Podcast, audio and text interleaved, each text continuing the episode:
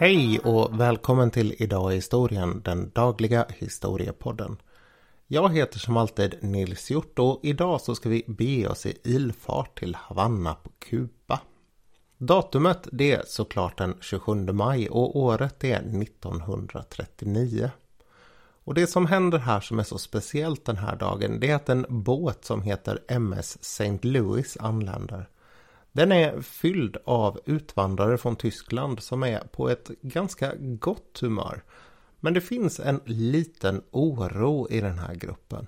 Och alldeles strax så ska de bli stora nyheter världen över. Det här skeppet St. Louis det är såklart döpt efter den amerikanska staden St. Louis.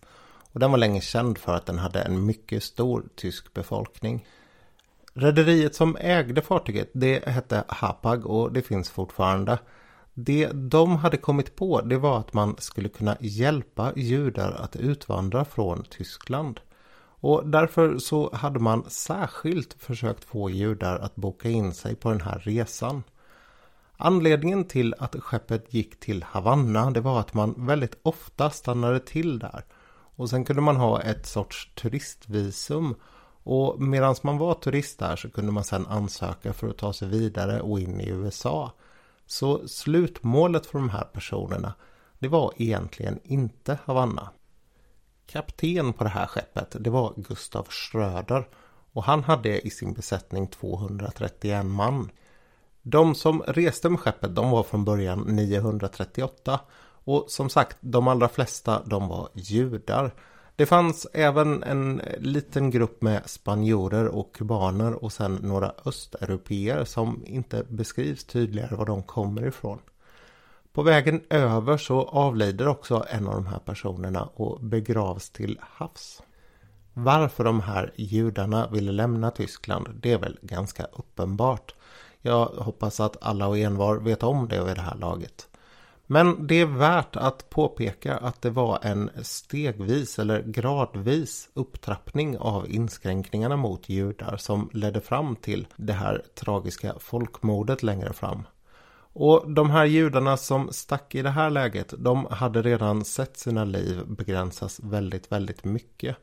Man hade förlorat jobb eller om man hade egna företag ofta blivit ifråntagen dem. Likaså hade man förlorat sina bostäder i många fall och dessutom så hade olika rättigheter inskränkts. I skolorna så hade man infört kvoter för hur många judar som fick gå i varje klass.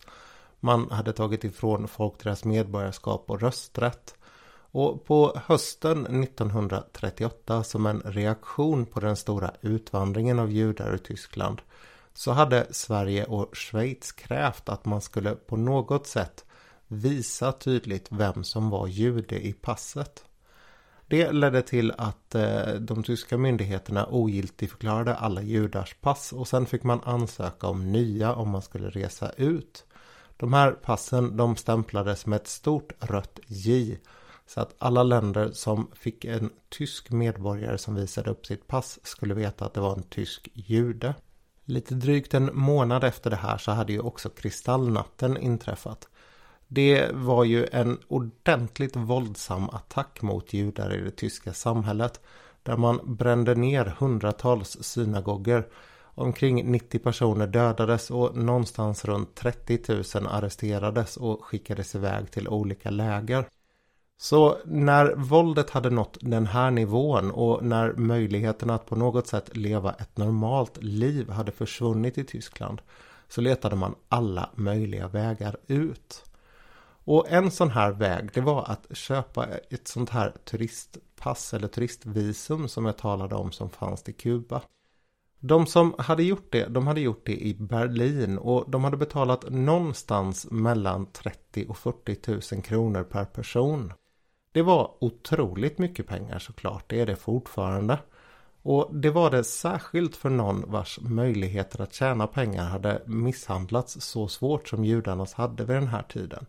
Många fick hjälp utifrån och på olika sätt kunde skaffa de här så. De tyska myndigheterna hade också sett till att judar inte skulle kunna ta med sig pengar ut ur landet. Så när de här människorna reste ut så fick de bara ha med sig 10 riksmark vart de än skulle hamna i världen så visste de att de skulle få börja om från nära nog noll igen. Ovanpå det här så fanns det också en mycket liten grupp av judar som hade släppts från olika läger mot att de omgående skulle lämna Tyskland. Och på så sätt hade det här givit dem en möjlighet att komma ur systemet. Båten den var utsåld redan den 7 maj. Den skulle avsegla en vecka senare, eller den 13 om man vill vara petig. Och när den väl la ut så blev det ganska snart en rätt uppsluppen stämning. Det finns eh, fortfarande folk som lever som var med ombord på det här skeppet. Och läser man vittnesmål från dem så talar de om att det fanns en känsla av att man hade lämnat det värsta bakom sig och att man nu visste att man skulle komma någonstans där livet förvisso skulle bli svårt men det skulle bli annorlunda och det skulle definitivt inte vara lika våldsamt. Dessutom så innebar skeppet i sig en eh, större frihet än vad man hade haft i Tyskland. Den här kaptenen Schröder som jag nämnde tidigare han hade beordrat hela sin besättning att på bästa vis ta hand om de här judarna. Han sa att på det här skeppet så gör vi ingen skillnad på vem som är tysk och vem som är jude. Alla som har betalat sin biljett har rätt till samma service. Förvisso så gick han ifrån den där regeln själv på ett ganska ädelt vis. Han lät nämligen de här troende judarna ordna sig en liten synagoga där och hålla fredagsbön. När de gjorde det så fick de också ta ner bilden på Hitler som fanns i det rummet. En kvinna som hette Gisela Fältman som var med på den här båten. Hon var 15 år gammal. Hon har berättat hur det var att gå runt där på däck och på kvällarna så fanns det dansband. Man kunde gå på bio och bada i poolen och dessutom prata med pojkar. Hon tyckte att det var ganska spännande och samtidigt så fanns det ju den här positiva känslan i grunden. Att maten dessutom var betydligt bättre än den mat de var vana vid från Tyskland. Det var ju bara en trevlig bonus ovanpå allting annat. Tio dagar efter att de hade lagt ut så började det dock dyka upp orosmoln på himlen. Kaptenen Schröder han blev kontaktad från Kuba och man förklarade i den här kontakten att det var inte alls säkert att man skulle låta de här personerna komma i land. Man hade infört nya regler i början av maj och de reglerna hade tagit bort möjligheterna att använda de här papperna som många hade köpt i Berlin. Det här var ju såklart en medveten handling och man visste att det skulle finnas väldigt stor risk att efter det första skeppet så skulle det komma betydligt fler.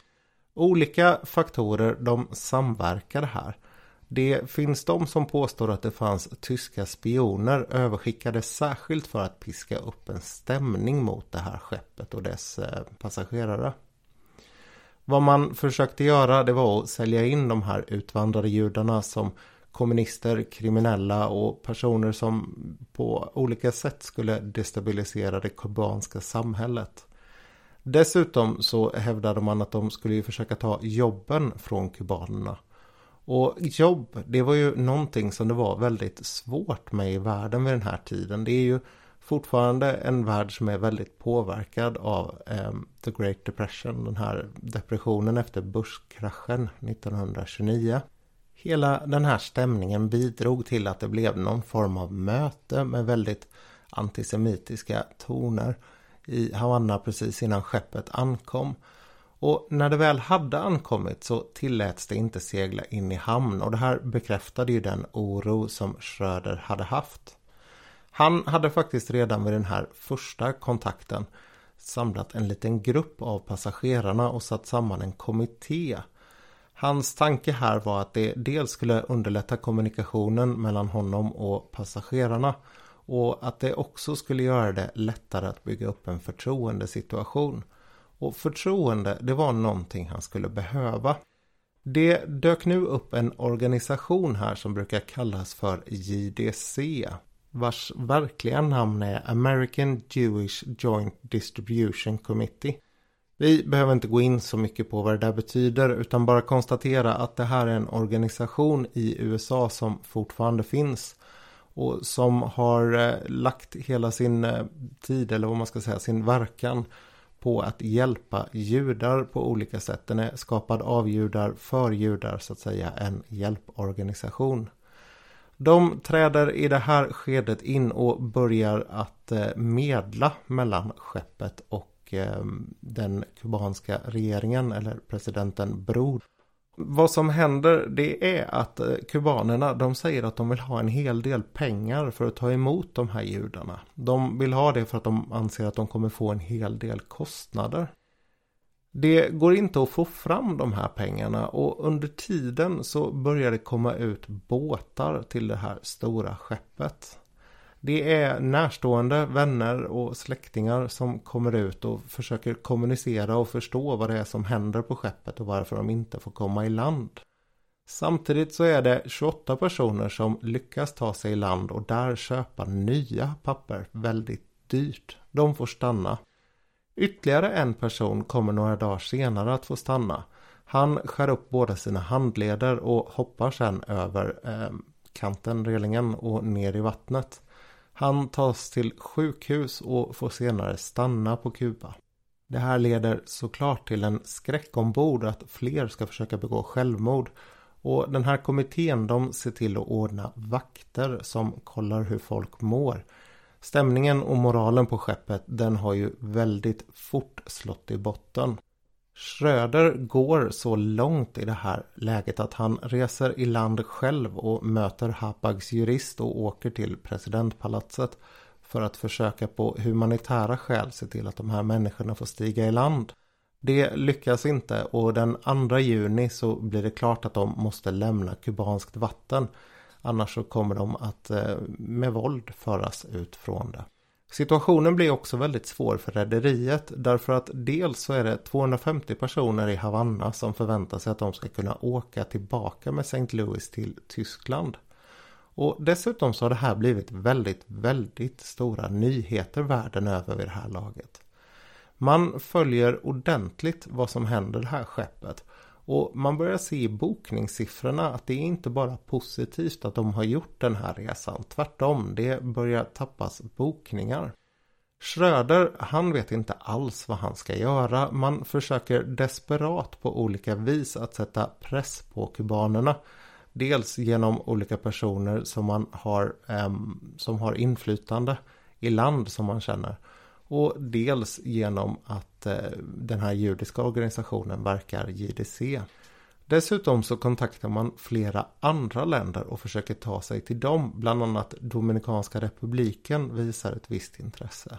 Samtidigt så är ju situationen ganska svår eftersom man har begränsade förråd ombord på båten. Man kan inte hålla på hur länge som helst och försöka hitta ett land som är beredd att ta emot passagerarna. I det här läget så vänder han norrut igen och går upp mot Florida och USA. Där får man beskedet att eh, de här människorna de är möjligen eh, väldigt välkomna att invandra till USA. Men man måste följa turordningen och turordningen den börjar i Tyskland. Så man säger att åk gärna tillbaka och ansök om möjlighet att invandra från Tyskland. Det vill ju såklart ingen ombord göra och det finns lite olika beskrivningar om varför man ställer det här kravet. Dels så är det det här som det var med Kuba, att man är rädd att det ska komma skepp efter skepp från Europa. Och dels är det att man är rädd att det ska finnas spioner ombord. Det gjorde det, men det var troligtvis ingen av judarna som var spion, utan det var bland tyskarna i besättningen. Och de spionerade såklart på vad Schröder hade för sig. 6 juni så meddelar president Bro att det finns inte en chans att de kommer få komma i land på Kuba. Och Schröder han är vid det här laget ganska långt norrut längs med den amerikanska kusten. Man gör ett halvhjärtat försök från den här kommittén att kontakta Kanada. Men Kanada säger bara blankt nej. Det är samma påverkan där med den här ekonomiska nedgången och det är en väldigt liten invandring i Kanada under den här tiden. Och dessutom så är man väldigt ointresserad av att några av de här invandrarna ska vara judar. Ehm, det sägs, eller det har uttalats av en kanadensisk tjänsteman ett svar på frågan hur många judar man är beredd att ta emot efter kriget. Han svarade då att inga är för många. Det säger en del om inställningen mot judar i det här landet vid den här tiden. Schröder ser i det här läget ingen möjlighet annan än att vända tillbaka mot Europa. Och det är ju inte svårt att förstå att den sista lilla gnutta av moral som fanns kvar på skeppet den var nu fullständigt borta. Det var folk grät öppet. Det gjordes myteriförsök från de unga resenärerna. Schröder förstod att det var utifrån depression och gjorde ingenting för att ge dem någon form av repressalier.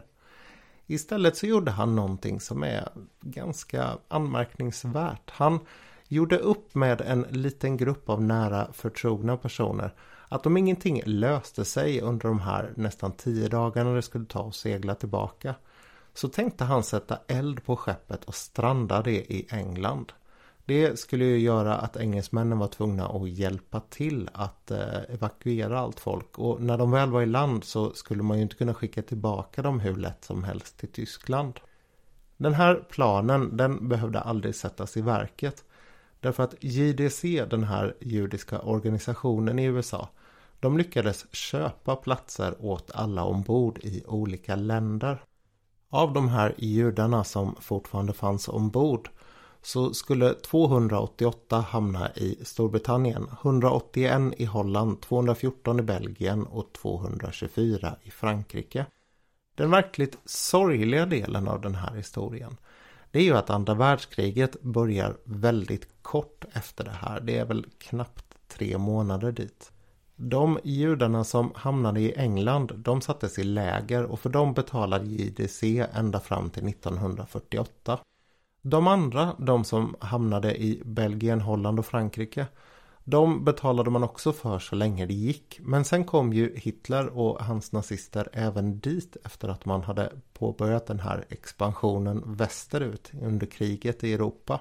Ganska många lyckades fly undan, en hel del till Schweiz bland annat. Men man räknar med att 254 eller 255 av de här personerna som var med ombord på St. Louis dog under förintelsen. Sett med våra ögon så är ju det här naturligtvis fruktansvärt för vi vet ju hur det gick. Inte bara i förintelsen utan också då person för person hur det gick för alla de här som var ombord. Ska man på något sätt kunna försvara länderna som vägrar ta emot de här så måste man naturligtvis se det från deras håll och från deras tid. Men hur man än vänder och vrider på det så är det en väldigt pinsam historia för alla inblandade parter. Så vitt jag vet så är Kanada det enda landet som offentligt har gått ut och bett om ursäkt. Och det var väldigt nyss, 2016. En historia som den här, den är naturligtvis alldeles för spännande och storslagen för att det ska låtas bli att skrivas en hel del om den. Så om någon vill fördjupa sig i det här så finns det gott om möjligheter. Tack för att du lyssnade idag och jag vill också passa på att säga att jag skulle uppskatta det enormt ifall du tipsade alla dina vänner som skulle kunna vara intresserade av den här podden om den. Det är en växande lyssnarskara men det är alltid roligt ju fler det blir så snälla snälla tipsa dem ni tror kan vara intresserade. Med det sagt så återstår bara för mig att säga att jag hoppas att vi hörs imorgon då det är ett helt annat ämne. Tills dess, allt gott!